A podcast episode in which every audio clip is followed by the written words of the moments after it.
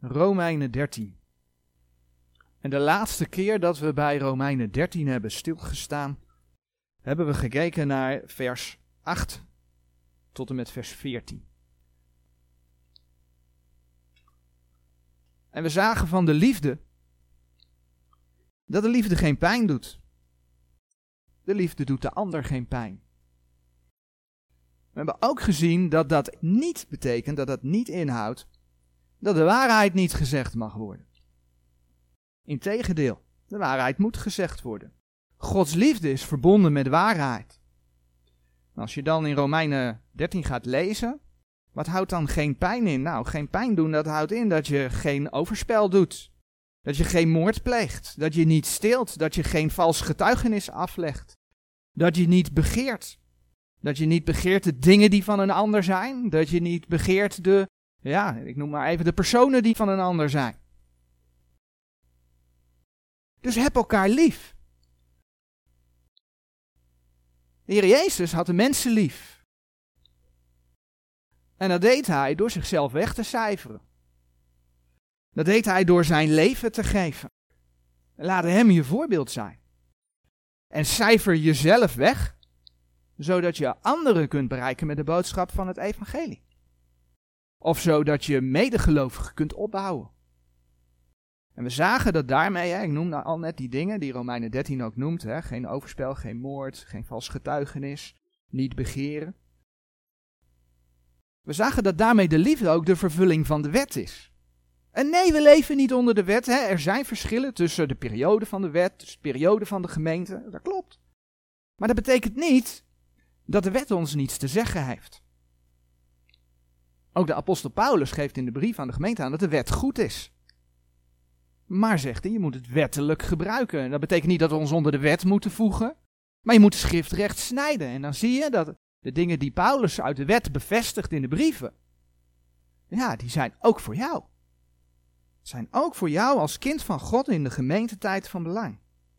Dus de wandel door de geest, zoals we dat ja, in de brieven uitgelegd krijgen aan de gemeente, zoals de wederom geboren gelovige opgeroepen wordt om te wandelen, dat is juist je vlees voor dood houden. Dat is juist niet op jezelf, niet op je ik gericht zijn. En dus jezelf wegcijferen te wandelen door zijn liefde. En daardoor vervul je de wet. Dat is wat Romeinen 13 laat zien. Omdat je de naaste lief hebt als jezelf. Nou, vanmorgen gaan we verder met een praktisch voorbeeld. En dat is Romeinen 14, want daar zijn we aangekomen. En we gaan dat gedeelte lezen. Romeinen 14. Neemt degene nu die zwak is in het geloof aan maar niet tot twistige samensprekingen. De een gelooft wel dat men alles eten mag, maar die zwak is eet moeskruiden. Die daar eet, verachten hem niet die niet eet. En die niet eet, oordelen hem niet die daar eet, want God heeft hem aangenomen. Wie zijt gij, die eens anderen huisknecht oordeelt? Hij staat of hij valt zijn eigen heer. Doch hij zal vastgesteld worden, want God is machtig hem vast te stellen. De een acht wel de ene dag boven de andere dag, maar de ander acht al de dagen gelijk. Een iegelijk zij in zijn eigen gemoed ten volle verzekerd. Die de dag waarneemt, die neemt hem waar de Heere. En die de dag niet waarneemt, die neemt hem niet waar de Heere. Die daar eet, die eet zulks de Heere, want hij dankt God. En die niet eet, die eet zulks den Heere niet, en hij dankt God. Want niemand van ons leeft zichzelf en niemand sterft zichzelf. Want het zij dat wij leven, wij leven de Heere. Het zij dat wij sterven, wij sterven de Heere. Het zij dan dat wij leven, het zij dat wij sterven, wij zijn des Heeren. Want daartoe is Christus ook gestorven. En opgestaan en wederlevend geworden, opdat hij beide over doden en levende heersen zou. Maar gij, wat oordeelt gij uw broeder? Of ook gij, wat veracht gij uw broeder? Want wij zullen alle voor de rechterstoel van Christus gesteld worden. Want er is geschreven, ik leef, zegt de Heer. Voor mij zal alle knie buigen en alle tong zal God beleiden. Zodan, een iegelijk van ons zal voor zichzelf gode rekenschap geven. Laat ons dan elkander niet meer oordelen, maar oordeel dit liever, namelijk dat gij den broeder geen aanstoot of ergernis geeft. Ik weet en ben verzekerd in de Heer Jezus dat geen ding onrein is in zichzelf, dan die acht iets onrein te zijn, die is het onrein. Maar indien uw broeder om der spijze wil bedroefd wordt, zo wandelt gij niet meer naar liefde, verderf die niet met uw spijze, voor welke Christus gestorven is. Dat dan uw goed niet gelasterd worden. Want het koninkrijk Gods is niet spijze en drank, maar rechtvaardigheid en vrede en blijdschap door de Heilige Geest. Want die Christus in deze dingen dient, is Gode welbehagelijk en aangenaam de mensen. Zo dan, laat ons najagen hetgeen tot de vrede en hetgeen tot de stichting onder elkander dient. Verbreek het werk Gods niet om der spijze wil. Alle dingen zijn wel rein, maar het is kwaad voor de mens die met aanstoot eet. Het is goed geen vlees te eten, noch wijn te drinken, noch iets waaraan uw broeder zich stoot of geërgerd wordt, of waarin hij zwak is. Hebt gij geloof? Heb dat bij uzelf voor God. Zalig is hij die zichzelf niet oordeelt in hetgeen dat hij voor goed houdt. Maar die twijfelt indien hij eet, is veroordeeld, omdat hij niet uit het geloof eet. En al wat uit het geloof niet is, dat is zonde. Reeds twee keer hebben we stilstaan, naar aanleiding van Romeinen, bij het onderwerp liefde. Dat was de laatste keer, daar hebben we net de samenvatting gehoord, Romeinen 13, vers 8 tot en met 14, maar daarvoor ook in Romeinen 12, vers 9 tot en met 21 onder het thema liefde voor elkaar. En beide keren zagen we dus dat Gods liefde niet zonder de verkondiging van de waarheid gaat. En ook dat de liefde de naaste geen pijn doet. Nou, in dat hoofdstuk wat we net gelezen hebben, krijg je eigenlijk enkele hele praktische voorbeelden. Hoe binnen de gemeente ja, je in liefde, dus in Gods liefde, met elkaar zou moeten omgaan. Allereerst een voorbeeld hoe je naar buiten toe. Hoe je naar buiten toe rekening kunt houden met Gods liefde in het brengen van de boodschap van het evangelie der genade Gods. Als je zendeling wordt. Wat moet je dan doen? Wat ga je dan doen? Dan ga je Gods woord preken, want daar ben je zendeling voor. En wat, wat ga je dan preken? Nou, dan ga je zowel de toestand van de mens die verloren is aangeven, hè, op weg naar het verderf, als de redding die de Heere God en Jezus Christus aanbiedt. Beide zijden. Dat is de bedoeling. Eigenlijk zoals de Heer Jezus dat zelf deed. En dan kom ik even met een voorbeeld wat de Heer Jezus bracht in Matthäus 7. Matthäus 7, vers 13 en 14. Waar we lezen dat de Heer Jezus zei: Gaat in door de enge poort, want wijd is de poort en breed is de weg die tot het verderf leidt. En vele zijn er die door dezelfde ingaan. Want de poort is eng en de weg is nauw die tot het leven leidt, en weinigen zijn er die dezelfde vinden. Dit is niet zozeer het evangelie der genade Gods. Maar ik laat deze versen zien, zodat je ziet dat toen de Heer Jezus de boodschap bracht, hij er geen doekjes omwond. He, zelfs al vinden mensen, laat ik het zo zeggen, al vonden, het was de Heer Jezus die sprak, al vonden mensen het hart, hij bracht de boodschap. Zelfs al keerden ze hem de rug toe. Een aantal mooie versen die daarbij passen staan in Johannes 6. We leven in een tijd dat mensen de boodschap aanpassen, want oh, het zou eens te hard zijn. Maar Johannes 6, vers 60, de Heer Jezus heeft verteld dat hij het brood des levens is. Dat ze zijn vlees moeten eten en zijn bloed moeten drinken. Weliswaar gebruikt hij daar de beeldspraak. Maar dan kijk wat de mensen zeiden in Johannes 6, vers 60. Vele dan van zijn discipelen. Het ging om zijn discipelen, hè? Vele dan van zijn discipelen dit horende zeiden. Deze reden is hard, wie kan zelf horen? En het gevolg was, vers 66, heel typerend hè, Johannes 6, vers 66, 666. Het gevolg, van toen af gingen vele zijner discipelen terug en wandelden niet meer met hem. Dat was het gevolg van de boodschap die Jezus Christus bracht. Dus wat is dan wijsheid? Wat is wijsheid? In dit geval het voorbeeld van de zendeling. Wat is wijsheid? Hoe kun je daarmee omgaan? Nou, waar je aan kunt denken is, hoe treed je de ander tegemoet? als zendeling kun je je in kleding aanpassen. Je kunt je in kleding aanpassen aan het land waar je naartoe gaat. Dat bevordert dat mensen van dat land jou ontvangen. Dat ze naar je willen luisteren. Want je laat zien dat je niet boven hen staat. En dat je op gelijke voet met hen stelt. Het is eigenlijk een vorm van jezelf wegcijferen. Liefde, wegcijferen. Jezelf wegcijferen. Want je geeft je eigen comfort op. En je past je aan aan de ander. Niet in de boodschap, maar wel in dingen waar dat wel kan. En dan laat je zien dat je ja, ja, eigenlijk op een gelijk niveau stelt. De boodschap voor alle mensen is, hè, een, een tekst die daar heel mooi bij past, is 1 Korinthe 9 vers 22. 1 Korinthe 9 vers 22. Waar Paulus zegt, ik ben de zwakke geworden als een zwakke, opdat ik de zwakke winnen zou. Alle ben ik alles geworden, opdat ik immers enige behouden zou. Nou, eigenlijk zijn de voorbeelden in Romeinen 14 van gelijke aard. Alleen dan binnen de gemeente onder broeders en zusters. Als het niet om het ontkennen van Gods woorden gaat, als het niet om de basis van het evangelie gaat, nou, dan moet je elkaar bijvoorbeeld de ruimte geven om te groeien. Nee, en dat betekent niet dat de voorganger maar de boodschap niet meer moet gaan brengen. Of moet veranderen. Dat betekent het niet. Kijk maar wat Paulus tegen Timotheus zei in 2 Timotheus 4 vers 2. 2 Timotheus 4 vers 2. Timotheus kreeg toch echt de opdracht, predik het woord. En hoe moest hij dat woord prediken? Houd aan tijdiglijk, ontijdiglijk. Ja, dat woord moest gewoon gebracht worden. Wederleg, bestraf, vermaan in alle langmoedigheid en leer. De voorganger hoort te leren, maar ook, dat lees je daar, te vermanen, zelfs te bestraffen.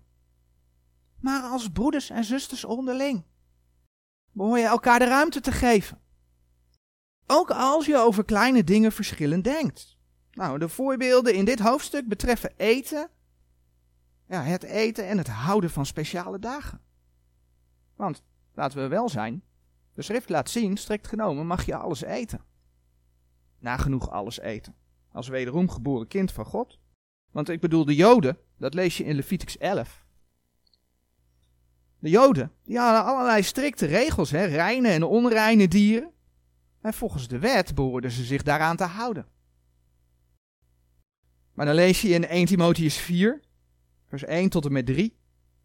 Onder andere over gebiedende van spijzen te onthouden. En dat wordt daar gekoppeld aan leringen van duivelen.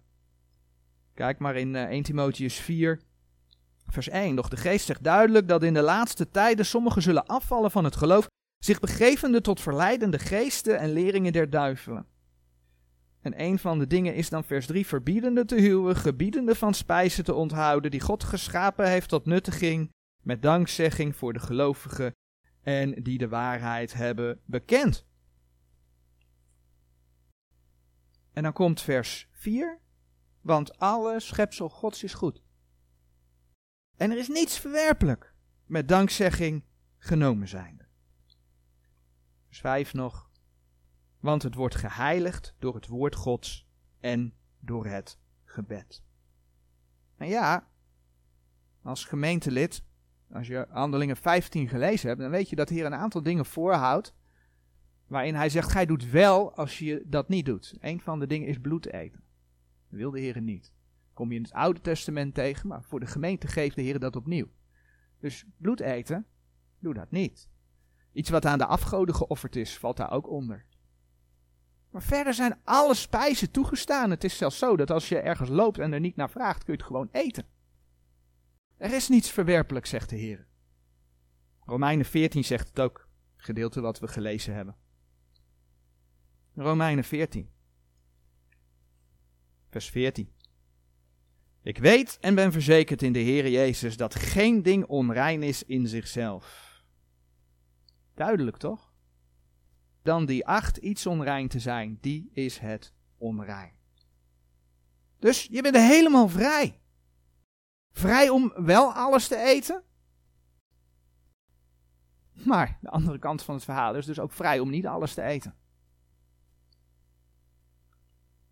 Maar mag je dan ook alles eten?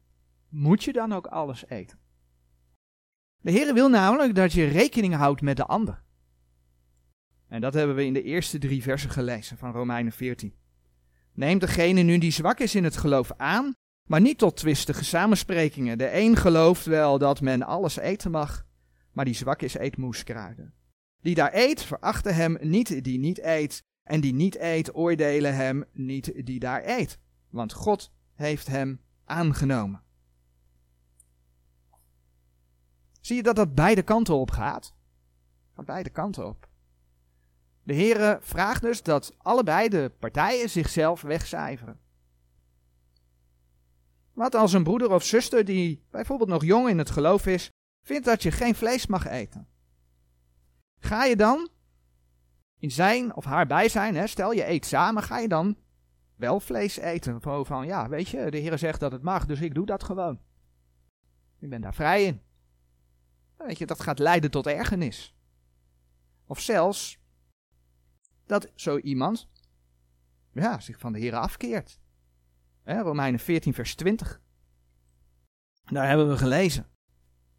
Verbreek het werk Gods niet om der spijze wil. Alle dingen zijn wel rein, maar het is kwaad voor de mens die met aanstoot eet. Verbreek het werk Gods niet om der spijze wil. Vers 15. Maar indien uw broeder om der spijze wil bedroefd wordt, zo wandelt gij niet meer naar liefde. dus dan doe je precies wat er in Gods woord staat. Ik ga het eten, want ik mag dat. Maar hoor je wat ik zeg? Ik ga het eten, want ik mag dat. Wie staat er dan centraal? Ik. En dan zegt de Heere, maar indien uw broeder om der spijze wil bedroefd wordt, zo wandelt gij niet meer naar liefde. Dus dan ben je niet meer in Gods liefde bezig. Want je bent met je ik bezig. Je houdt geen rekening met die ander. Verderf die niet met uw spijzen voor welke Christus gestorven is. Dus als je geen rekening met elkaar houdt, wandel je niet meer in de liefde. Hetzelfde geldt voor het houden van speciale dagen, hè? Romeinen 14, vers 5.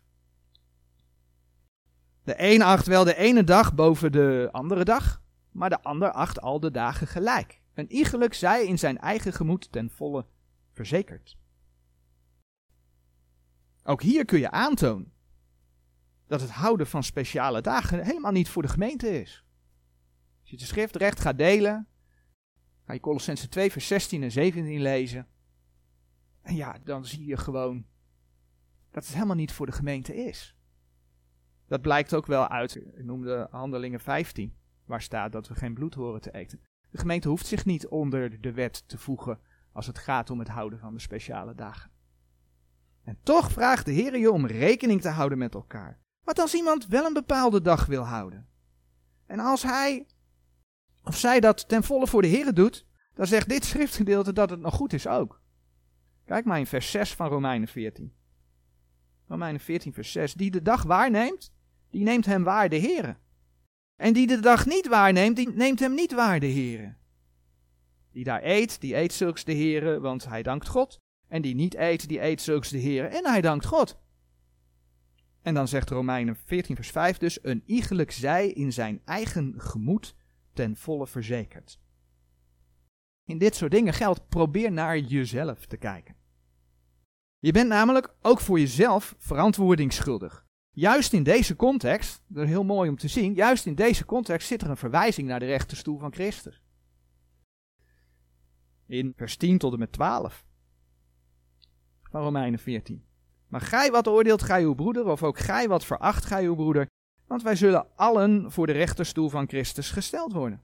Want er is geschreven, ik leef, zegt de Heer, voor mij zal alle knie buigen en alle tong zal God beleiden. Zodan een iegelijk van ons zal voor zichzelf gode rekenschap geven. En ieder zal voor zichzelf gode rekenschap geven.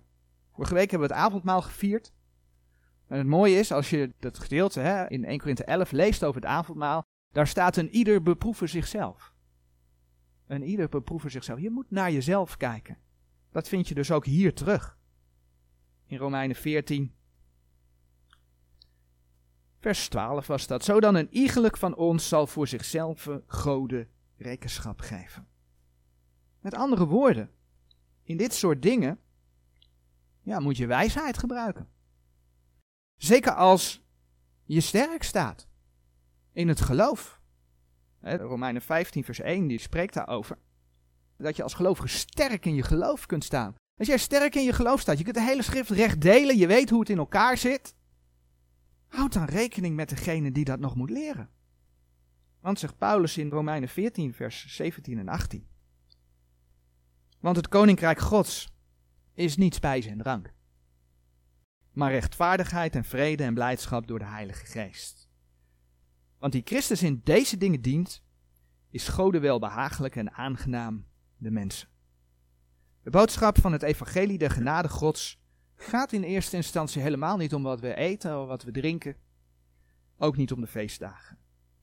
Dus als een broeder of zuster ervan overtuigd is dat het beter is geen vlees te eten, weet je, als je dan samen gaat eten, eet dan ook geen vlees.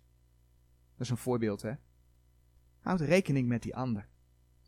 Houd op dat moment je geloof dat je wel vlees mag eten. Tussen jou en de Heere God. Dat is wat dit schriftgedeelte zegt. Romeinen 14, vers 22 zegt: Hebt gij geloof? Heb dat bij uzelf voor God. Zalig is hij die zichzelf niet oordeelt in hetgeen dat hij voor goed houdt. Cijfer jezelf weg. Houd rekening met de broeder of zuster die anders van slag zou raken. Romeinen 14, vers 21. Het is goed geen vlees te eten, noch wijn te drinken, noch iets waaraan uw broeder zich stoot of geërgerd wordt, of waarin hij zwak is. Nou, een gelijkluidend Bijbelgedeelte, wat daarbij past, is 1 Korinthe 8, vers 7 tot en met 13. 1 Korinthe 8, vers 7 tot en met 13. Gaat daar ook over. Dit hele verhaal wordt weer anders. Op het moment dat iemand leert, dat iemand leert dat je bijvoorbeeld door het houden van de Sabbat, een speciale dag, behouden bent. Want dat gebeurt in sommige stromingen ook. Je moet dat doen, anders ja, neemt God jou niet aan. Dan wordt het hele verhaal anders. Want dan heb je het over de kern van de boodschap. En dan moet je, ondanks dat je verzet zult krijgen, ondanks dat mensen misschien teleurgesteld raken, moet je waarschuwen. Dan moet je waarschuwen. Omdat het behoud, Efeze 2 vers 8 en 9, we kennen de teksten wel, niet is uit de werken, maar uit genade door het geloof. Dat is de kern van het evangelie. En dan is het juist Gods liefde om te waarschuwen. Dat deze persoon verloren is. Als die denkt door zijn werken bij God te komen. Tenzij hij of zij alleen gaat vertrouwen op het volbrachte werk van de Heer Jezus Christus. Romeinen 10, vers 9 tot en met 11. Als zo Gods woord in de gemeente gebracht wordt, maar als je elkaar onderling zo de ruimte geeft om te groeien, op dit soort minder belangrijke punten, weet je, dan ben je bezig tot stichting. stichting is groei. Dan help je elkaar te groeien. En weet je, dat is precies ja, een van de doelen van de lokale gemeente. Is de bedoeling dat de, gelovigen opgebouwd worden, groeien in het geloof. In Romeinen 14, vers 19 tot en met 20 kom je dat tegen. Zo dan laat ons najagen hetgeen tot de vrede en hetgeen tot de stichting onder elkander dient. Verbreek het werk Gods niet om der spijzen wil, alle dingen zijn wel rein, maar het is kwaad voor de mens die met aanstoot eet. zo laat ons najagen hetgeen tot de vrede en hetgeen tot de stichting onder elkander En zo houd je, zonder Gods woord geweld aan te doen, ja, rekening met elkaar. En ben je praktisch in de liefde, in wat we gelezen hebben in Romeinen 14, vers 17, in de rechtvaardigheid en de vrede en blijdschap door de Heilige Geest. En dan ben je bezig daardoor om mensen door Gods woorden op te bouwen. Amen.